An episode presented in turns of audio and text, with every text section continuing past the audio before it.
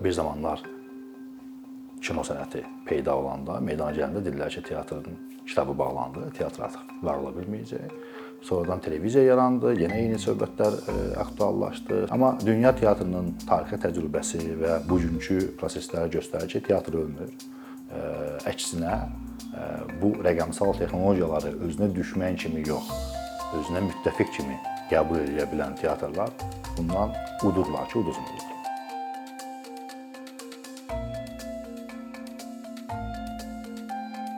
Mən bir məqalə yazmışdım teatr və qeyri-teatr mövzusunda.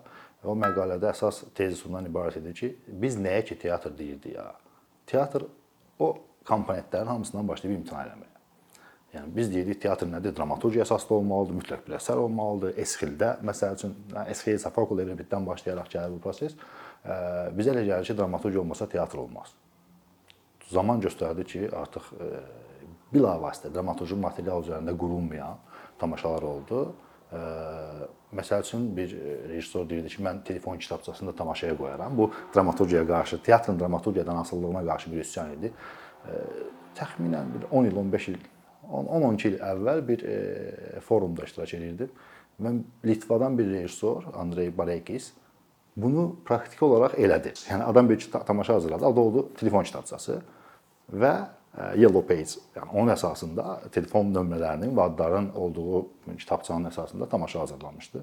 Heç də Esxilin, nə bilim, Şekspirin əsərləri əsasında hazırlanan tamaşalara uzmayan bir tamaşa idi.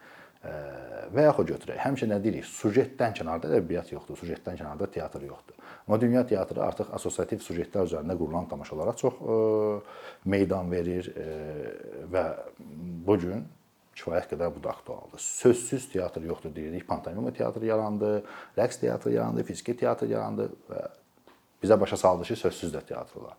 Və indi elə bir zaman gəlib çıxıb ki, yeganə söz məqam var ki, biz ondan tutmuşuq ki, yox, aktyorsuz teatr yoxdur. Hardasa mən də bundan razıyam.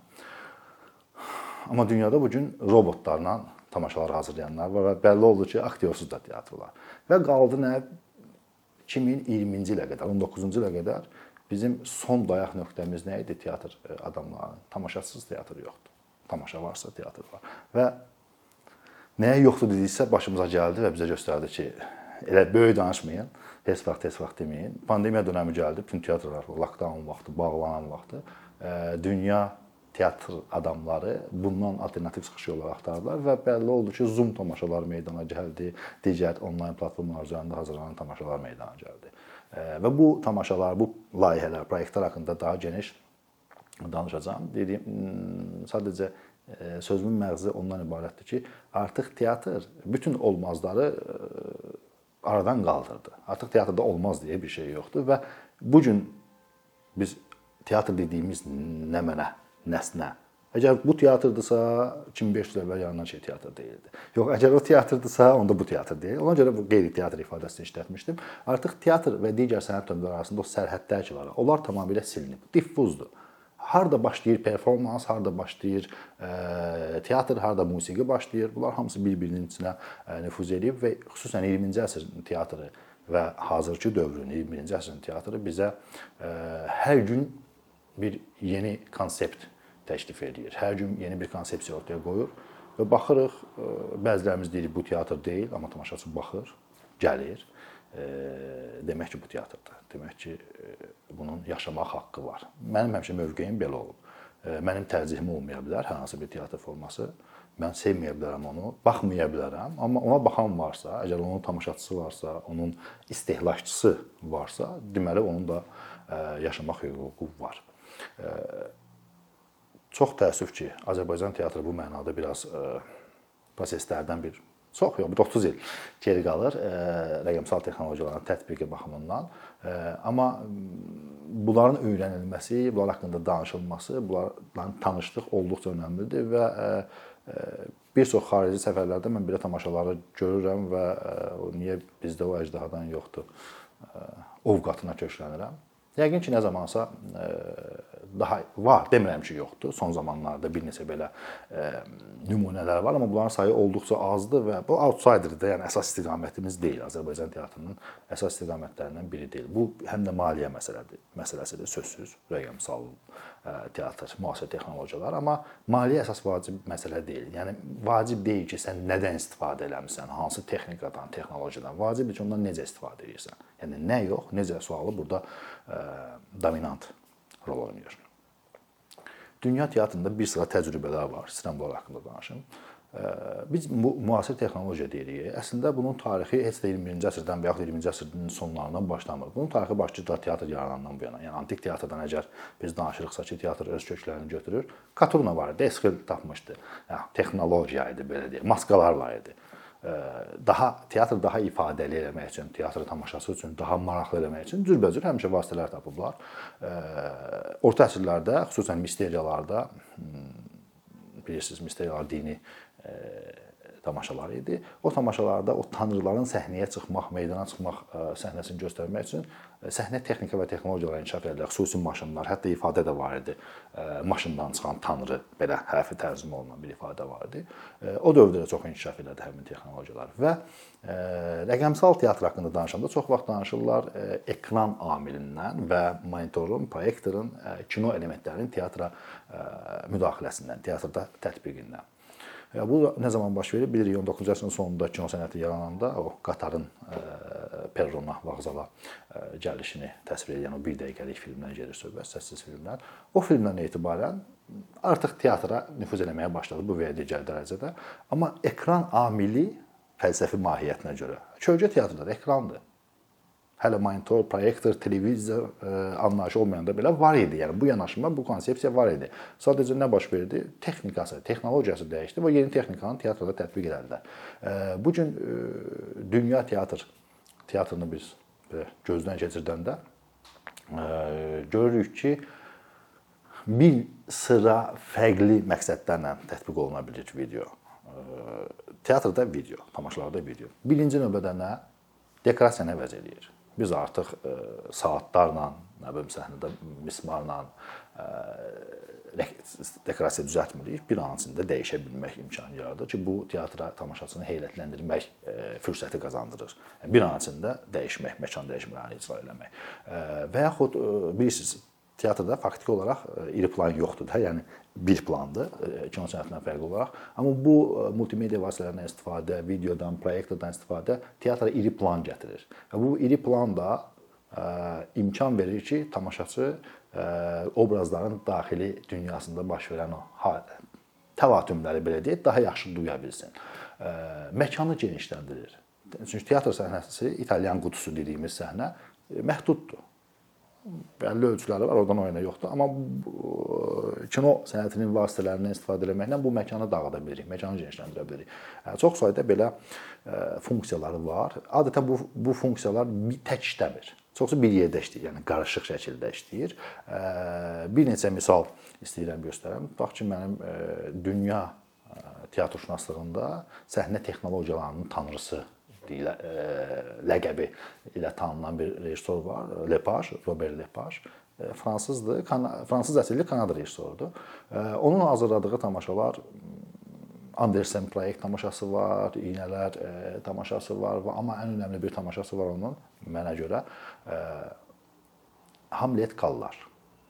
Yəni bu adam Rus Rusiyada Millətlər Teatrında Yevgeni Mironovdan hazırlayıb. Bir adam bir adam üzərində mono tamaşa kimi hazırlayıb və bütün səhnədə böyük bir kub quraşdırılıb. Mən sonra tamaşanı görəndən sonra haqqında başladım oxumağa. Sən demə bu tamaşa 6 il hazırlanıb. Səhnə texnikası və texnologiyasına bağlı heyət Kanadadandır. Aktyor heyəti, yəni Evgeni Mironov rusdur. Birgə proyekt Rusiya ilə Kanadanın birgə proyektidir və səhnədə bir kub quraşdırılıb. Bu kub özü Nə yerdədir, nə göydə. Səhnənin ortasında bir kubdur və bu kubun üzərinə proyeksiya olunur, məkanlar dəyişir. Məsəl üçün gəlib Hamlet e, tutaq ki, vanna otağında e, təraş olunacaq. Bir an içində dəyişir, bu düşür e, Elsinor qəsrinə. Bir anda düşür o vaxtki, yəni KGB-nin otağına. Və hadisələr, çoxlu paralellər yadır. Bu bu imkanı bizə nə verir? Bu imkanı verir bizə həmin o rəqəmsal texnologiyalar. Bir səhnə var həmin tamaşada. Hamit əsərindən tamaşaçılarımızın çoxusu bilir bu səhnəni. Hamletdən Layetin qılınclaşma, duel səhnəsi. Bunu tək aktyorla nə gözəl eləyə bilir. Deməli, aktyor səhnədədir Mironov və onun tərsinə çevrilmiş proyeksiyasıdır. Bu proyeksiya bir bir qədər ləngirilmiş şəkildə ötürülür və Hamletin özü-özü ilə döyüşü təəssüratı yaranır. Bu da sadəcə görünüş üçün olan bir təəssürat deyil. Həqiqətən də Hamlet elə bir obrazdır ki, o Layert həmin tamaşanın yozumunda deyirəm. Layert onun üçün rəqibi deyil. Hamletlə böyük mübarizəsi nədir? Özü-özü ilə mübarizəsidir.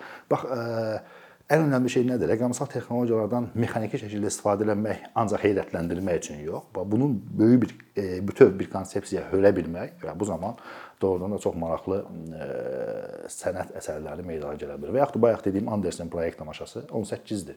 Səhv eləmirəmsə, 2018-ci ilin tamaşasıdır.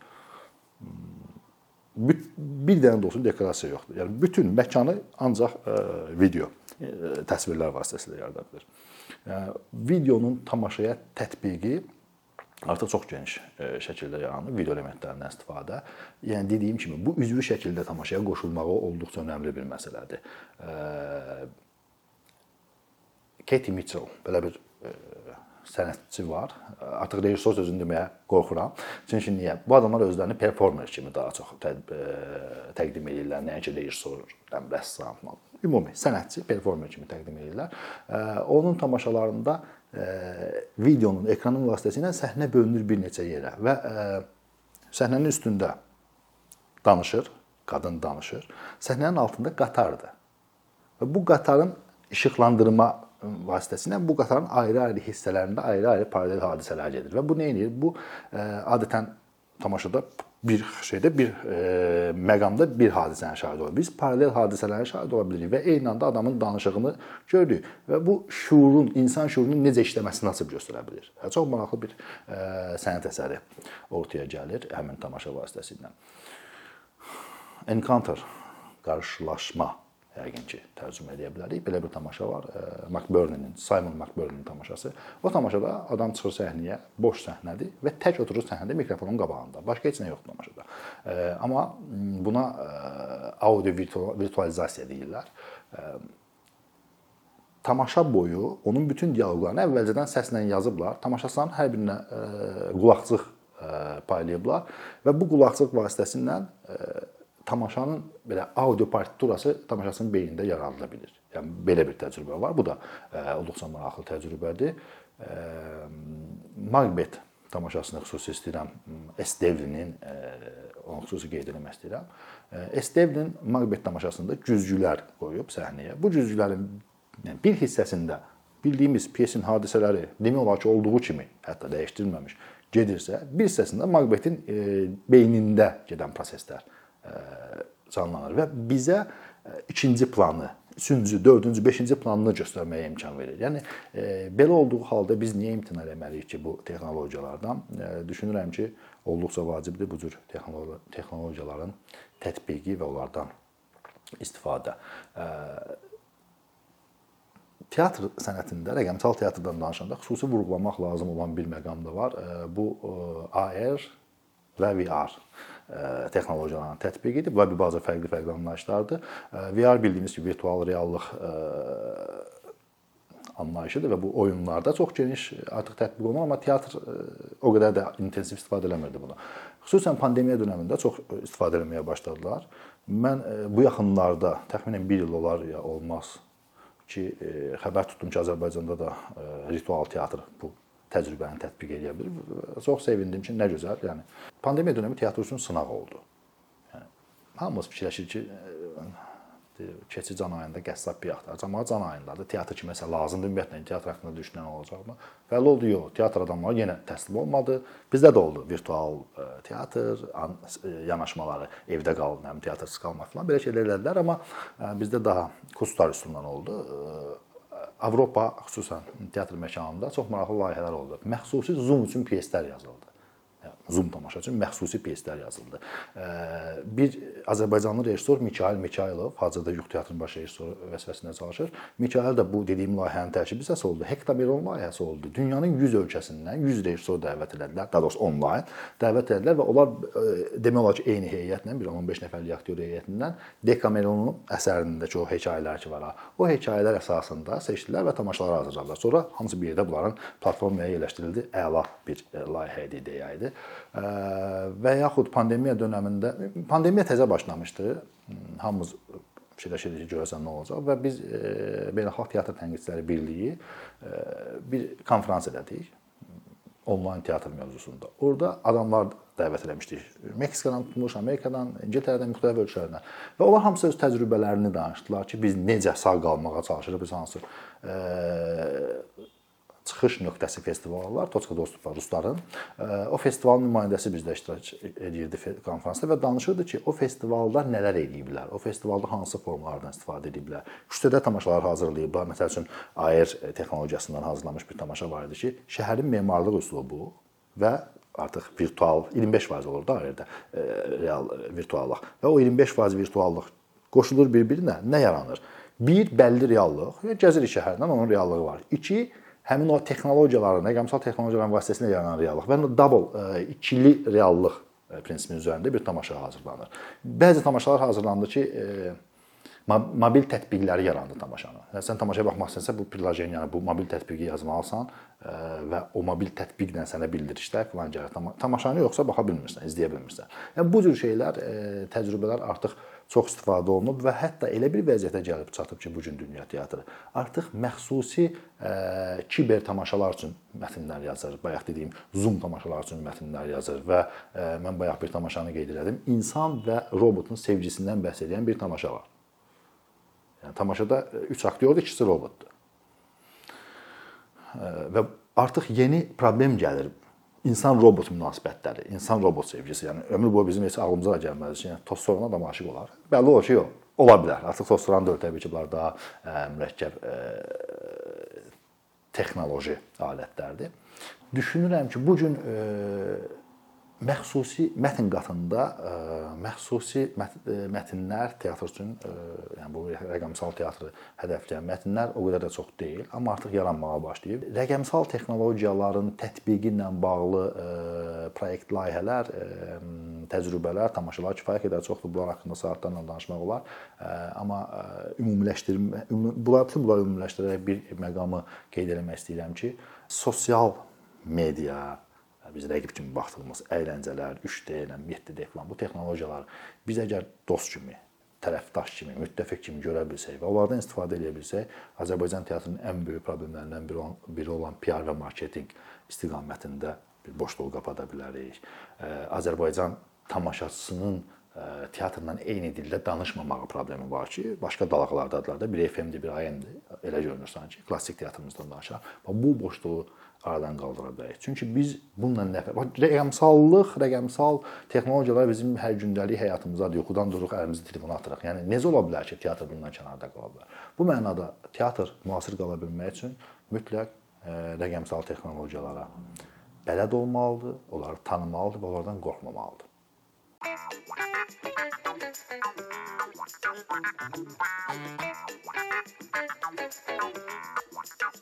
Thank you. Thank you.